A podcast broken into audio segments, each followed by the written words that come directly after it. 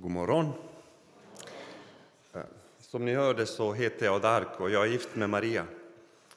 Eh, och oss har ni väl mött under de här senaste tio åren här i kyrkan och våra barn har ni sett springande här. Och vi är ju jättetacksamma att få komma hit och tacksamma för all värme och den välkomnande som vi har mött i den här kyrkan faktiskt. Jag är tacksam också för inbjudan och eh, att få tala här idag. Och jag har inte fått så mycket direktiv vad jag ska göra. Däremot så har Anders sagt du får inte prata för mycket om katolska kyrkan. Så, så, så det får jag hålla mig till. Däremot så har han inte sagt någonting om hur lång och långsam den här predikan kommer att vara, så jag satsar på det. Ehm. Men innan, inte minst därför att det är nattvard sen, så börjar vi med en bön. Skapa i oss, Gud, ett rent hjärta så att din son, när han kommer till oss i ordet och i nattvarden må hos oss finna en beredd boning. Det ber vi dig om i Jesu namn. Amen.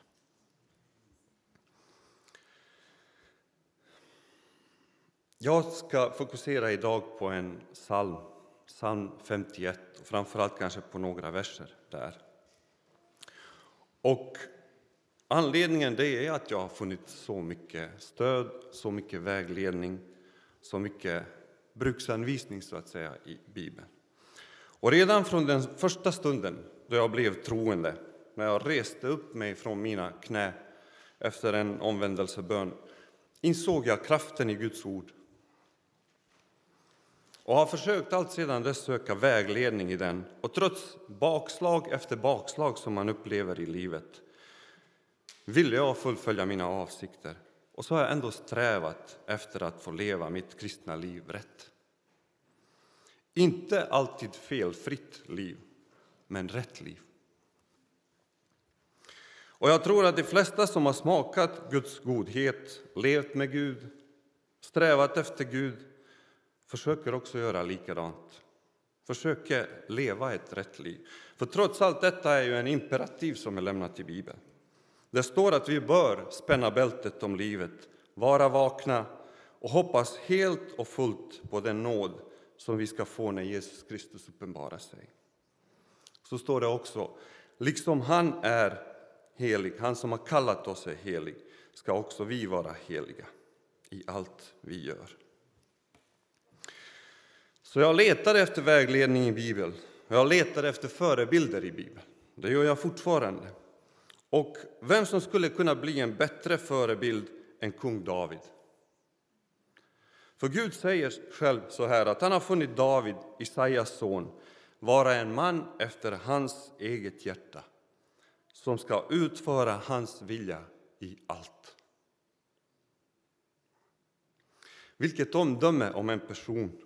Vilket omdöme om ett liv! Och vem skulle inte vilja få ett liknande omdöme om sig själv efteråt? Så därför har Saltaren varit en bönbok bland många andra där jag har försökt tränga in i det här livet, i Davids liv. Tränga in i det hjärtat som Gud fäller så fint omdöme. Och det är samma hjärta som formade alla dessa sånger, alla dessa böner. Och det är hjärtat faktiskt som Gud så mycket älskade. Och bland några psalmer, jag hade kunnat ta vilka, alltså hur många som helst, men bland några psalmer som sticker ut som vägledande finns faktiskt psalm 51. För i den finner man så att säga vägledning, man finner tröst, uppmuntran, just därför att David träder fram där utan sin glittrande kungakrona, utan kungakläder och utan sin kungamantel. I den finner man en ärlig naken människa i behov av Guds nåd.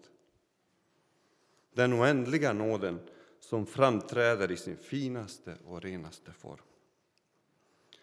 Där förstår man hur mycket Gud älskar sin skapelse och älskar sina bristfälliga barn.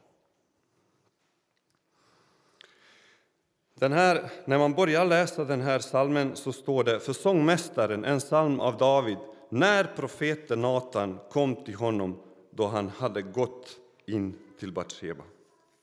Så salmen egentligen är ju inte skriven utifrån någon bra händelse i Davids liv. När David får ett omdöme om sig själv efteråt så står det faktiskt att han hade gjort allting efter Guds hjärta, förutom i en sak, står det i Kungaboken efteråt. Och just det här, när han gått in till Batsheba. Och historia, Davids historia det känner ni troligtvis bättre än jag. Och det som förra, ni vet, han blev utvald bland alla sina bröder, den minst oansenliga av alla dem.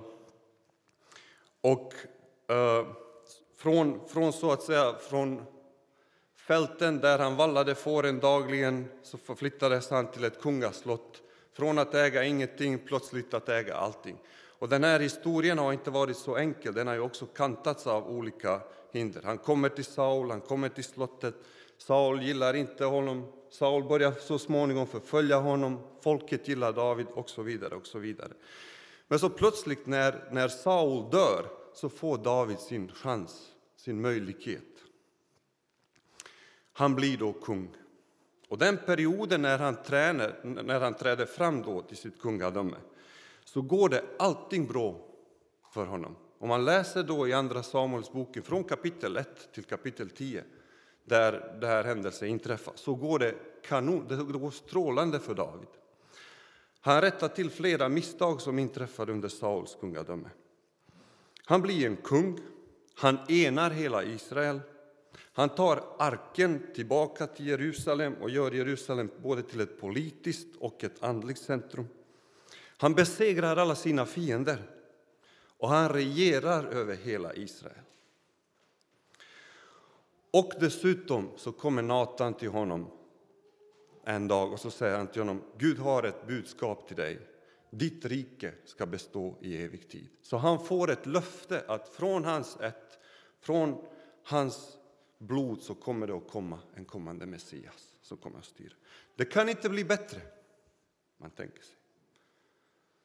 Det kan inte bli bättre. Situationen kan inte, han kan inte komma högre upp. Och så kommer den här historien. En kväll när alla hans trogna män, så att säga, han, alla hans bästa män, alla hans krigare är ute och krigar, så är David ensam på sitt slott. Och så går han ut, går ut på taket och så plötsligt så ser han då en vacker kvinna som badar. Och det första han gör ganska impulsivt så skickar han efter henne. Tar henne, ligger med henne och troligtvis så går hon tillbaka då. Trots att han vet, David, för, för David, alltså tio Guds bud, om vi känner till dem så borde han ha känt dem ännu mer. Han visste, han skyddade arken, han levde med arken, han visste vilka bud fanns det i arken. Men i det här fallet så betyder det, verkar det inte betyda någonting för honom. Och när han, under den perioden, det är ju många saker när han uppnår makten, när han kommer så långt, så är det någonting som händer med David. Vi läser man tidigare om David så ser man alltså hans hjärta, man kan verkligen skriva under att, att David, att, och förstå varför Gud älskade Davids hjärta. För han får möjlighet flera gånger att döda Saul, men David vägrar göra det. Han vill inte höja sin hand mot Guds moder. Han förlåter sina fiender ett antal gånger. Han får kritik från sitt folk för sitt handlande. Men han, gång på gång, återkommande, så visar David att han har ett barmhärtigt hjärta. Men under tiden så hände det någonting, och inte minst i samband med, med det här händelsen med Batsheba. För det som händer i samband med det här händelsen det är att Batsheba blir gravid. Så David begår ett brott som kommer att bli uppenbart för alla. Och vad är det han måste göra? Jo, han måste dölja det. Han måste dölja det. Så i samband med det här så förändras även hans hjärta. Hans sinne, hans hjärta, ungefär vad det brukar hända när man begår ett, ett synd. Han blir listig, han blir okänslig, han blir egoistisk, han blir vred, benägen att döma snabbt och han planerar det onda. Man kan fundera vad är det för orsaker som ligger bakom hans förvandling och så vidare. Hur kom det sig att det svänger så mycket? Men därutöver så, så blir han också ganska feg. Om man tänker sig vilken mod och vilken styrka David hade innan så är det ett egenskap som träder fram i det. Han vågar inte stå för det som han hade gjort och gör allt för att dölja det. Spränger gräns efter gräns för att dölja sitt brott. Och, och på det grymmaste sättet. Vad är det han gör? Jo, han så småningom för att dölja det här så skickar han efter Uria, alltså Batshebas man och försöker få honom att gå till sin hustru och ligga med henne. Så på det sättet så kanske kommer jag undan, tänker David. Och kanske om han ligger med henne då kan han inte lista ut vems barn är det och så vidare. Så, och när barnet kommer, ja, troligtvis så liknade det Batsheba. Eh, men Uria, om han fattar vad David håller på med eller inte, men Uria, till skillnad från David i det här fallet, så är det Uria som förefaller godtrogen och ärlig och trofast till en person som är ute efter att, ute både efter hans familj och efter hans liv. Så Uria vill inte göra det. Uria säger, hur kan jag göra det? För Guds ark ligger ute på fältet, dina soldater ligger ute på fältet och du vill att jag, jag borde egentligen vara där och försvara vårt rike, försvara vår tro och du vill att jag ska ligga med min hustru. Så Uria går och lägger sig på trappan. Och när David får höra att han inte hade gjort så som David hade befallt honom så kallar han honom tillbaka igen och säger varför gör du inte det? Och så berättar Uria varför han inte kan göra det. Då försöker David fylla honom med så mycket sprit som möjligt och skicka iväg honom och få honom att äntligen ligga med sin fru. Men Uria gör inte det heller. Och till slut så, så skriver David under ett brev Ge det till Uria, lägger det i hans egen ficka. Och så säger han, ge det här brevet till Joab, tror jag, när han kommer fram. Och i det här brevet som Uria bär nära sitt eget hjärta så är det hans dödsdom. I brevet står att Joab ska skicka honom bland, på det område där det är högst, värsta striderna där det pågår och att han ska se till att, att Uria dör. Så David, David blir så, eh, ska man säga, hans sinne och hans hjärta blir så kallt så att han inte ens i det här fallet förstår vad han har gjort. Det, det är bland det grymmaste som man kan göra egentligen. Och man kan i det här fallet också se vad alltså, syndens väg, hur, hur är den egentligen? Tills, tills David blir konfronterad. Det börjar ju alltid med att man ser, ser någonting. Ser den, det uppstår med det synliga begäret, begäret i blicken eller någonting annat. Man ser någonting som man skulle så gärna vilja ha.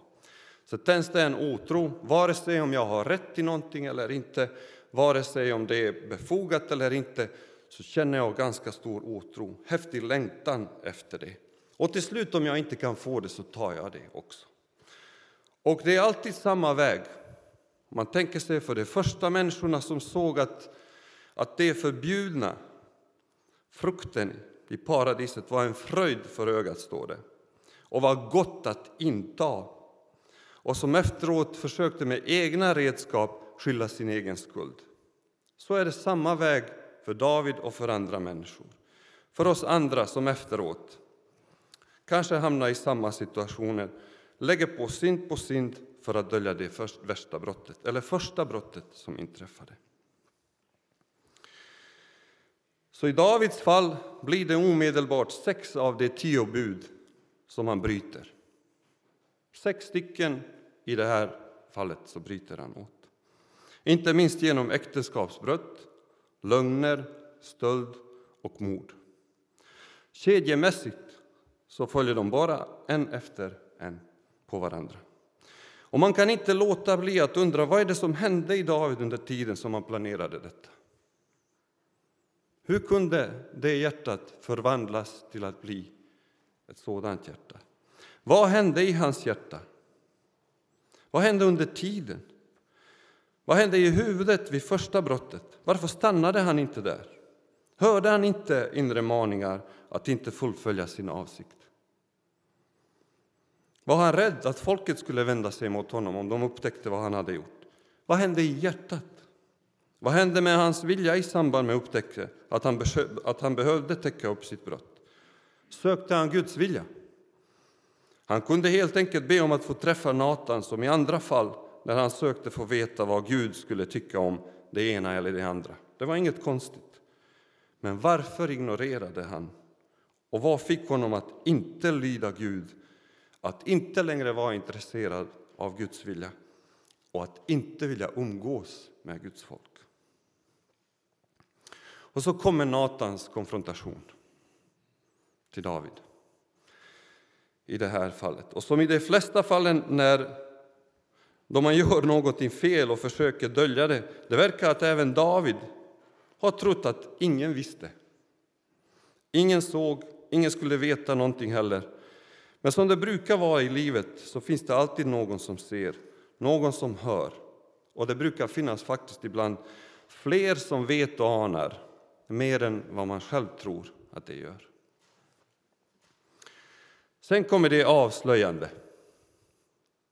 Precis, vi har ju följt ett fall som sker vad, vad det gäller det här obots, uh, eh, obåtsfallet i, i, och det mordet som inträffade. Så kommer det ett avslöjande vad det gäller David och plötsligt så vet hela världen vad som hände i det fördolda. Det blir helt uppenbart, fallet blir totalt. Och jag tror om David hade levt idag så hade han ganska ofta fyllt uh, tidningarna. Hans kungahus med allting som inträffade, speciellt då efter det här fallet, så följde det sak efter sak som, som blev skamfläckor i både hans familj, i, i hans liv och även i Israels historia. Och jag tror att tidningarna skulle ha fyllts efter rubriker om kung David och efter allting som, som var kopplat till honom. Så, sko, så, så, hur skulle det kunna se ut idag kan man tänka sig? Vad skulle man skriva? Vad skulle man säga? Skulle han kunna stå där som en förebild för det? Och vilket hån skulle det än eh, drivas runt omkring honom?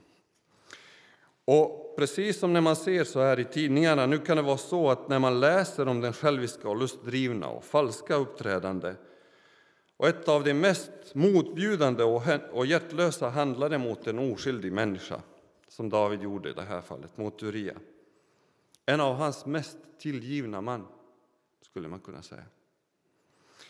Många av oss skulle kunna fråga sig och ropa, hur kunde han? Hur kunde du göra så? Hur kunde du sitta med en person där och planera för att döda honom? Han som var så trogen till dig, han som ville vara din bästa vän.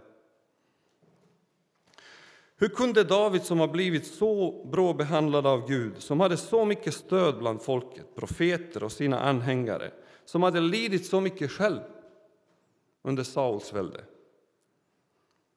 förlorat så mycket, fått möjlighet att klättra så mycket i livet, som tog sig från de gröna ängarna där man troligtvis ibland sov under bar himmel och åt några bitar bröd om dagen och hamnat till en slott och en kungasäng där han nu hade tjänstemän, överflöd av mat och dryck och mängder och kvinnor som kunde tillfredsställa alla hans behov. Hur kunde han förvandlas till en så hjärtlös och grym person? Och att ta det enda man läser då Natans konfrontation. När Natan kommer till David så, så är Natan troligtvis ganska rädd för David har ju blivit förvandlad David fäller ganska snabba omdöme. Så går Natan till honom och tar en liknelse och berättar vad David har gjort. Så han vågar inte tala om för honom exakt. Eller så använder han liknelsen så att han skulle förstå ännu bättre. Men vid den här stunden så fäller David ganska snabbt omdöme. Så när Natan berättar med ett liknelse om en man som hade hundra får och ändå när han fick besök gick iväg och tog ett enda får från en annan familj för att slakta och servera för sin vän. Då fäller David omdöme på en gång. Den mannen är dödens man, säger David. Han ska få dö.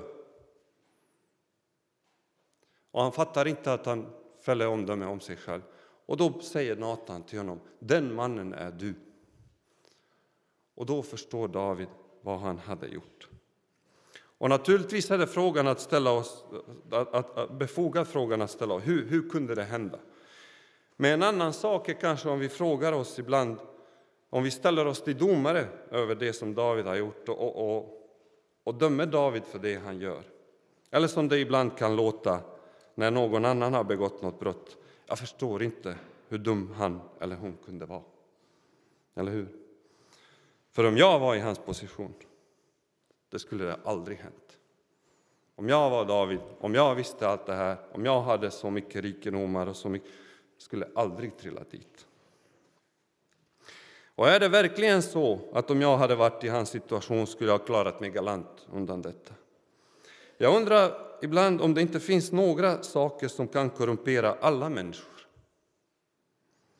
Som likt smicker så där ligger lite utbrett som ett nät för våra fötter. Och när vi får frihet, när vår frihet får smak för dem och ser möjligheterna med dem blir vi likt fåglar fångna i nätet och kan inte ta ut oss därifrån. Och jag undrar om någon människa kan galant klara sig ut därifrån. Då syftar jag på de här klassiska saker som knappt någon av oss är specialistläkare på, nämligen makt, sex och rikedomar. Frågan är om inte vem som helst kan fångas i någon av de här näten och inte bara kung David. Och frågan är om inte det som ibland behövs för att trilla i någon av dessa fällor är bara möjligheter som uppstår. Någon kanske säger prövningar. Men jag säger möjligheter som uppstår och friheten att välja. Möjligheten, tillfället att kunna tala illa om en person till exempel. Att kunna tjäna extra pengar på ett ohederligt sätt. Att kunna vara svekfull i sin relation till make eller maka. Att kunna bedra någon godtrogen individ. Att kunna stjäla någonting, för det är ändå ingen som kommer att upptäcka eller bli skadad av det. Eller att kunna ljuga dra vinst av det för att dölja sitt eget handlande eller sina egentliga avsikter. Plötsligt, när man får möjligheter, plötsligt uppstår en möjlighet att kunna handla eller låta bli handla på ett alternativt sätt till det som man innerst inne vet är egentligen det rätta sättet. Och plötsligt, det som vi tidigare visste exakt hur vi skulle förhålla oss till och hur det skulle levas. Plötsligt blir det en utmaning för människor. Vi ser att vi på ett eller annat sätt kan dra nytta av situationen av tillfället. Lockelsen uppstår. Skeden dryper av honung, ögonen börjar glittra, munnen dreglar och handen reser sig för att ta. Och I Davids fall är det sexualiteten, alltså en av de starkaste drifter som människa besitter som blev en föranledning till att Davids felaktiga handlingar blev som en snöboll. Så. Det började någonstans. Och sen växte det ju bara mer och mer och fortsatte. Och han fortsatte rulla i sin egen synd. Och den här bollen till slut otyglad rullade, rullade över andra människor. Och det är inte konstigt att det är sexualitet, därför att det är så nära förknippat med vår personlighet vår karaktär, vårt privata liv och vårt mest intima längtan efter kärlek och som också därför leder lätt en människa bort från det trygga fästet. En bedräglig drift. Men det är inte mindre bedräglig än de två andra kraftiga underliggande drifter som den att vara oberoende, att äga så mycket och att känna sig så rik, smart och bäst så att man varken behöver några människor, vänner eller Gud för att underordna sig honom. Så rik, stor, viktigt och mäktig ska jag bli. Äga allt och alla, nästan som är Gud, ha den högsta platsen. Tänkte den första människan och många efter henne efteråt. Alla ska älska mig och frukta mig och tjäna mig. I Davids fall behövde det inte se exakt ut så, men hans ohyggliga brott skulle väl ändå aldrig ha hänt om han inte hade rikedom och makt att utöva över andra individer eller friheten att handla, som ofta innebär enorma möjligheter, möjlighet att göra på ett eller annat sätt och som också innebär en svårighet för människan. Men det är väl inte alltid så att det finns både möjlighet och frihet att handla. Men när det är två sammanfaller, då blir det lite problem.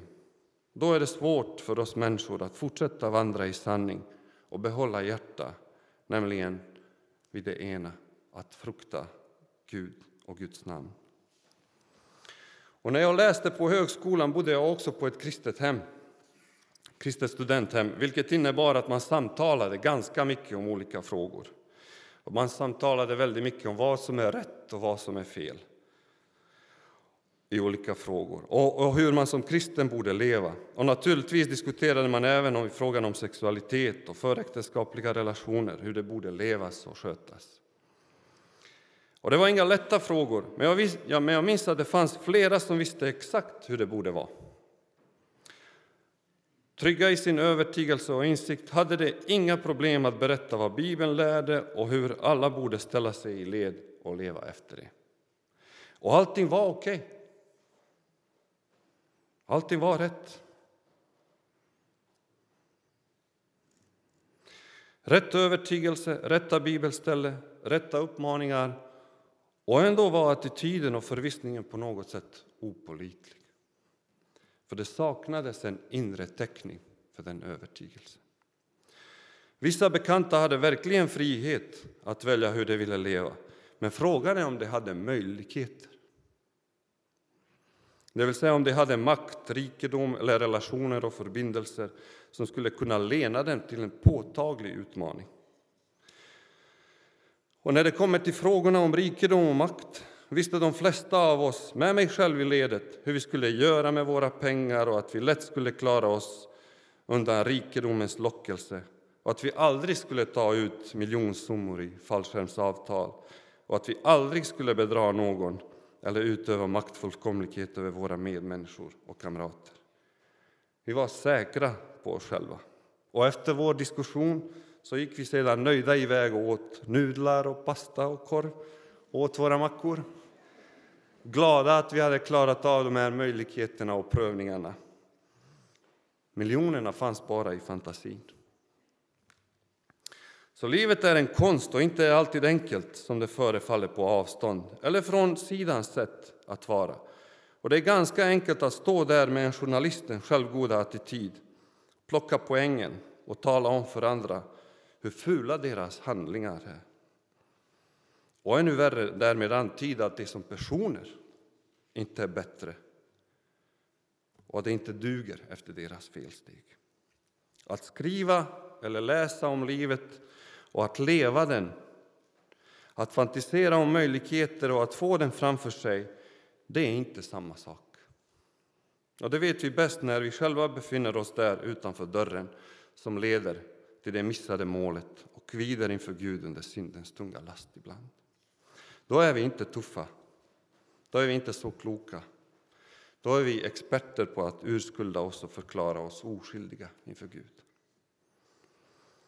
Så hur tar man sig därifrån egentligen? Det är det som är frågan.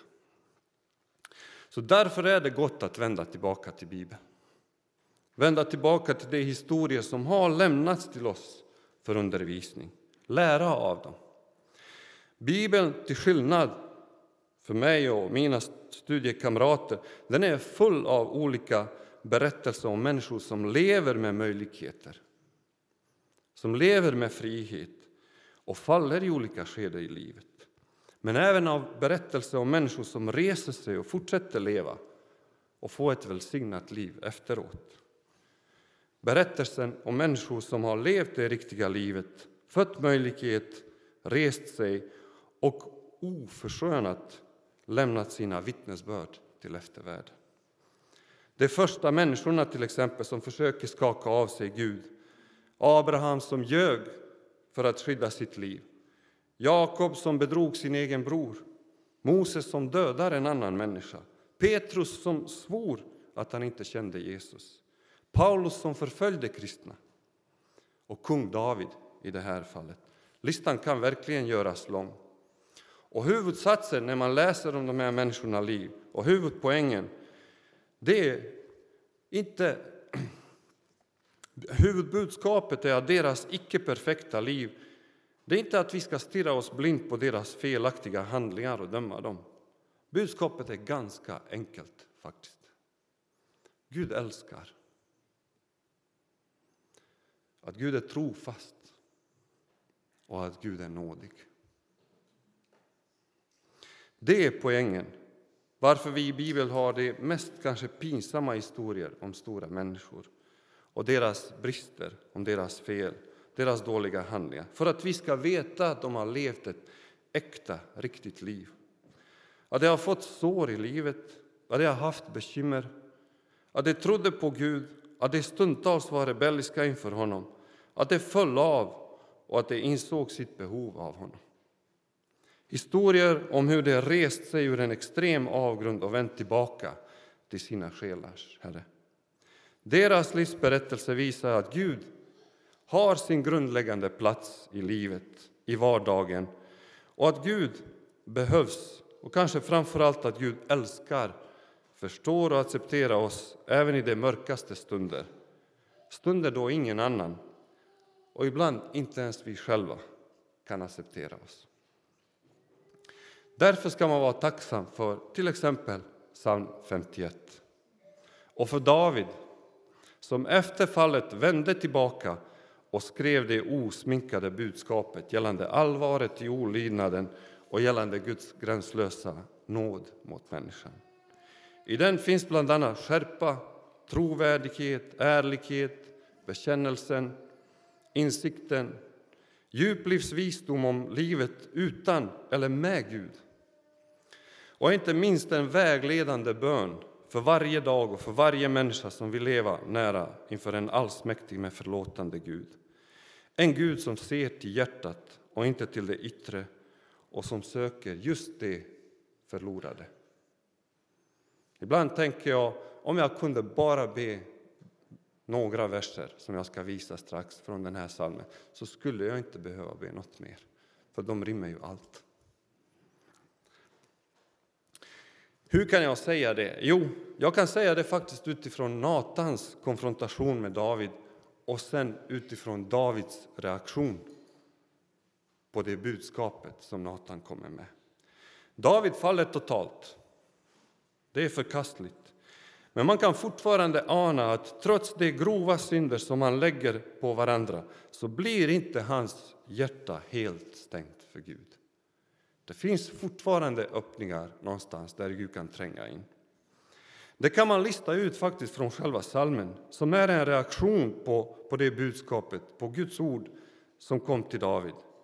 Men vi kan också till exempel ta en, ta en historia som, vi ganska, som vi många känner till.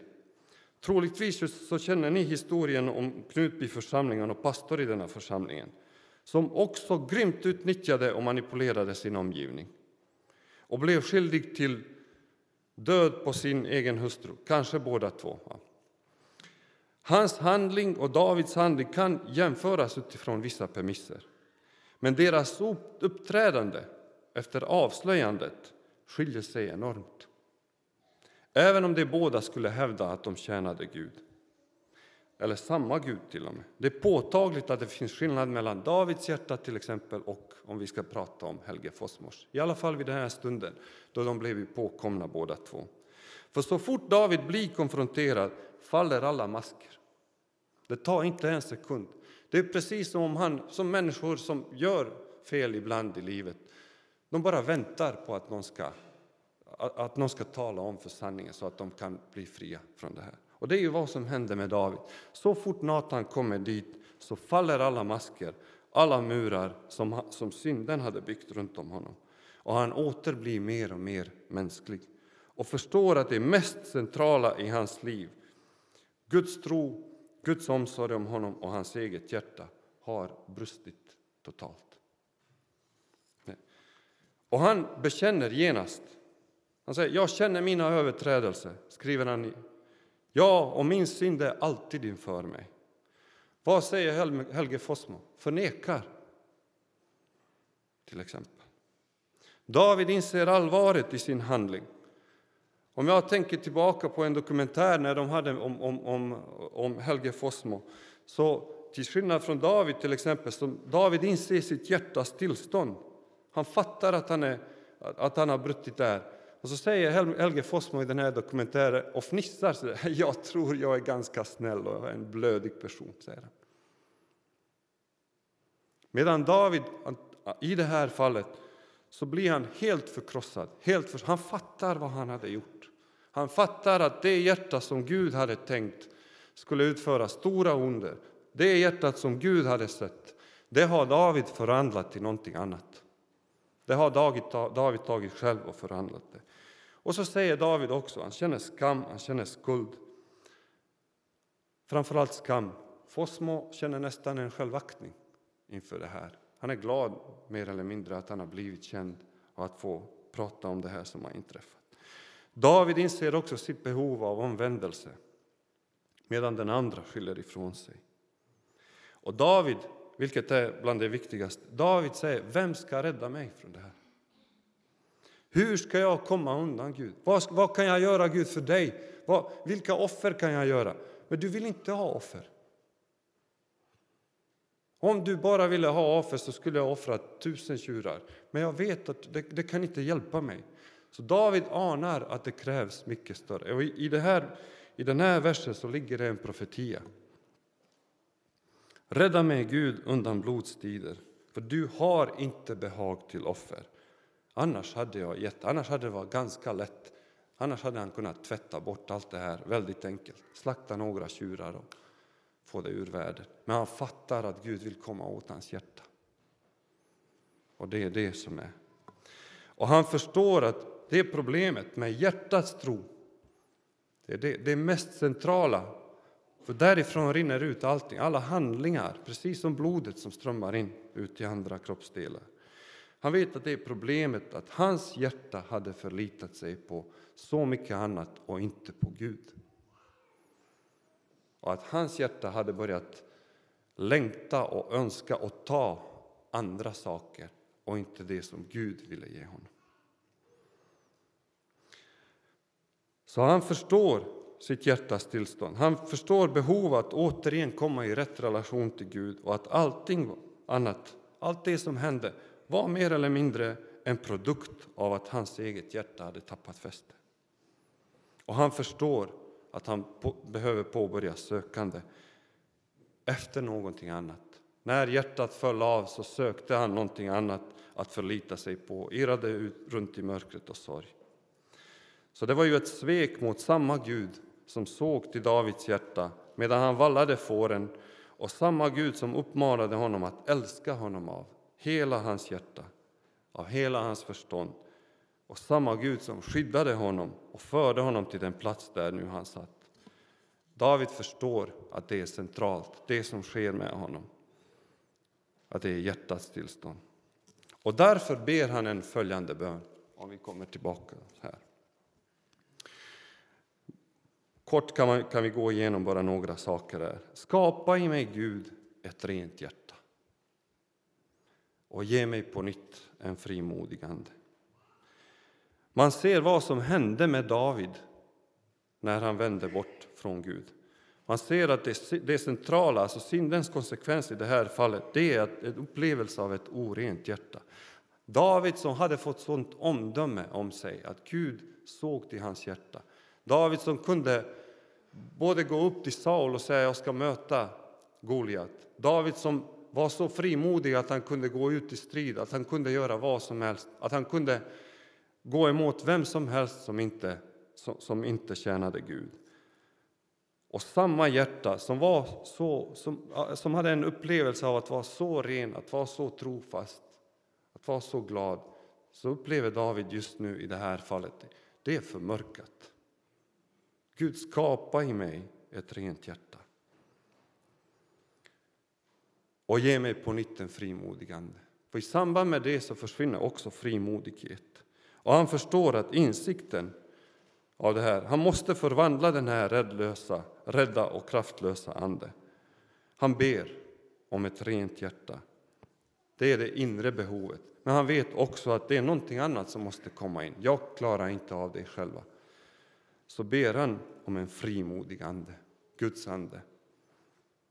Det är också ett yttre behov. Vidare i vers 13 så säger han Förkasta mig inte ifrån ditt ansikte och ta inte din helige Ande ifrån mig. När David faller så vänds hans blick inåt. Tidigare fokuserade han väldigt mycket på Gud, men i det här fallet så börjar han fokusera mer på sig själv och mer på sina egna misstag. Och när han fokuserar på det så förstår han att det finns ett, stort, ett sånt stort gap mellan honom och Gud så att han till slut blir rädd. Gud, förkasta mig inte för det jag gör, för det jag har gjort. Tidigare upplevelsen som om att vara utvald, om att vara stark, om att vara en av Guds älskade, vilket också hans namn antyder, förvandlas nu till en föreställning, en upplevelse i alla fall. Det behöver inte stämma, men en upplevelse, känslor som man känner av förkastelse. Och så är han rädd att Gud äntligen, alltså den här bärande kraften som finns i hans liv, att Gud ska ta det ifrån honom. Och återigen så söker han Gud. Han gör allt rätt i det här fallet. Han söker Gud. Insikten måste gå tillbaka till Gud, måste gå till Guds närhet, måste vara nära Guds hjärta. Låt, mig, låt, låt mig åter få fröjdas över din frälsning, säger han i vers 14, och uppehåll mig med villighetens ande. Efter att han har irrat runt så ser han att det finns ingen långsiktig glädje i att vända sig bort från Gud. Att bryta mot hans bud och försöka, liksom Adam och Eva, hitta egna lösningar eller leva gömd från Gud och hoppas att ingen kommer att avslöja det och att Gud inte kommer förbi en dag. Och där, det här väcker ju sorg i hans tro. Det väcker osäkerheten i frälsningen.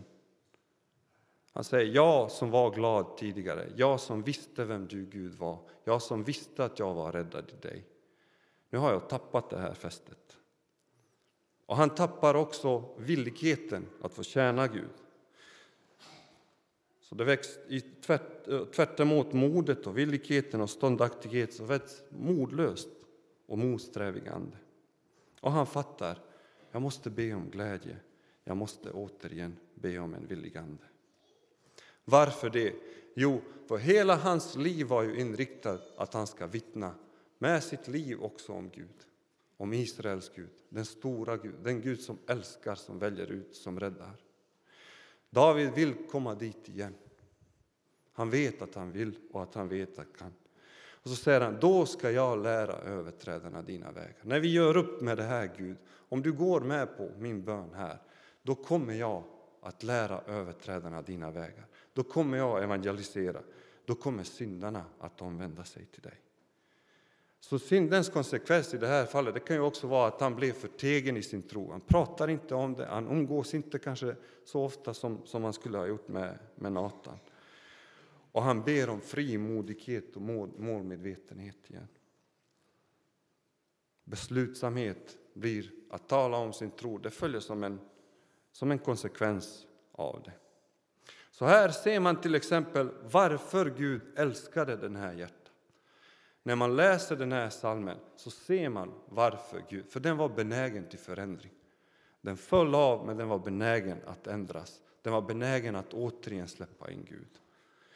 Och vi ser hur Davids hjärta var fortfarande öppet och ville vända tillbaka för att börja om från början.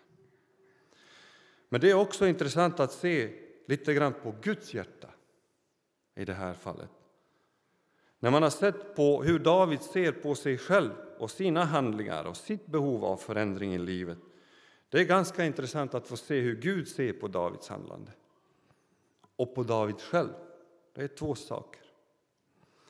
Man kan se det också från Natans avsikt faktiskt, då han kommer till David.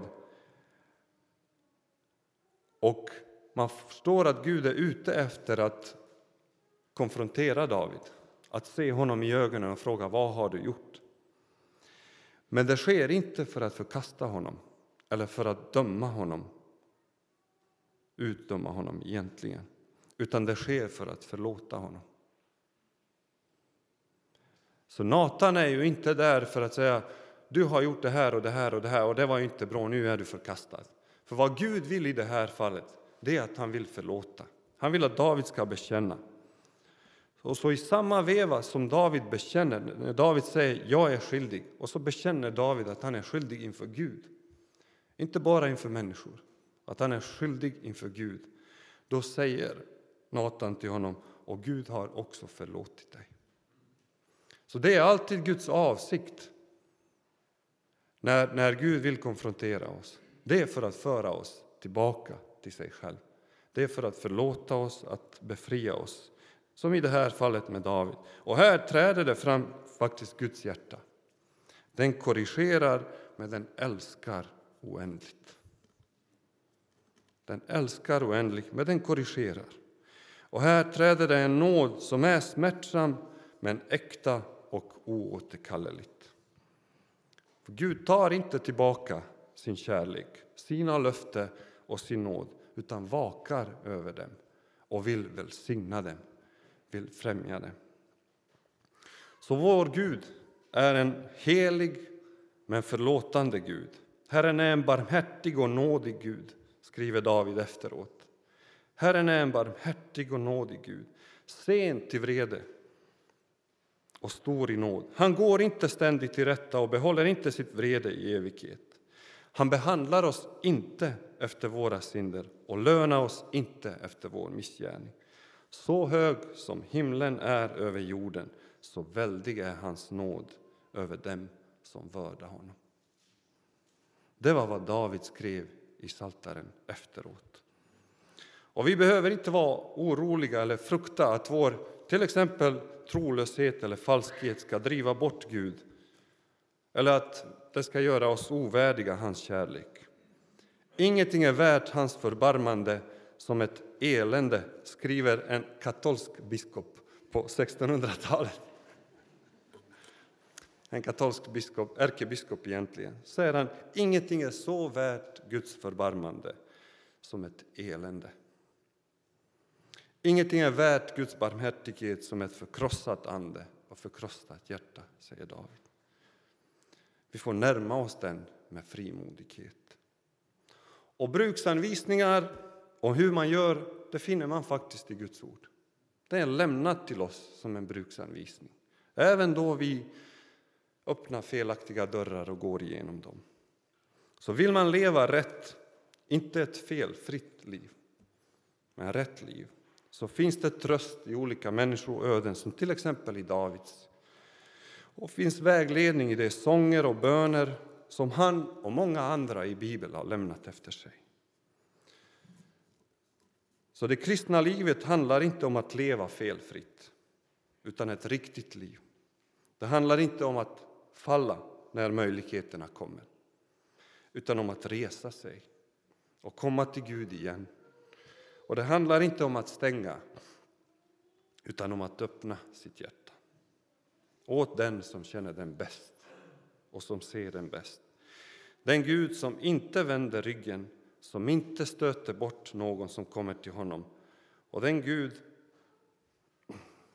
och det handlar om en frälsare som älskar oss och som förstår vilka vi är och som aldrig överger oss. Har vi dött med honom? Kan vi få bibelordet?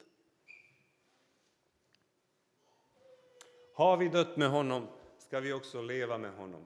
Härdar vi ut ska vi också regera med honom. Förnekar vi honom ska han också förneka oss. Men är vi trolösa förblir han trofast, för han kan inte förneka sig själv. Så låt oss tillsammans med Davids ord stämma in i en lovsång och be den här bönen som David har lämnat till oss. Skapa i oss, Gud, ett rent hjärta.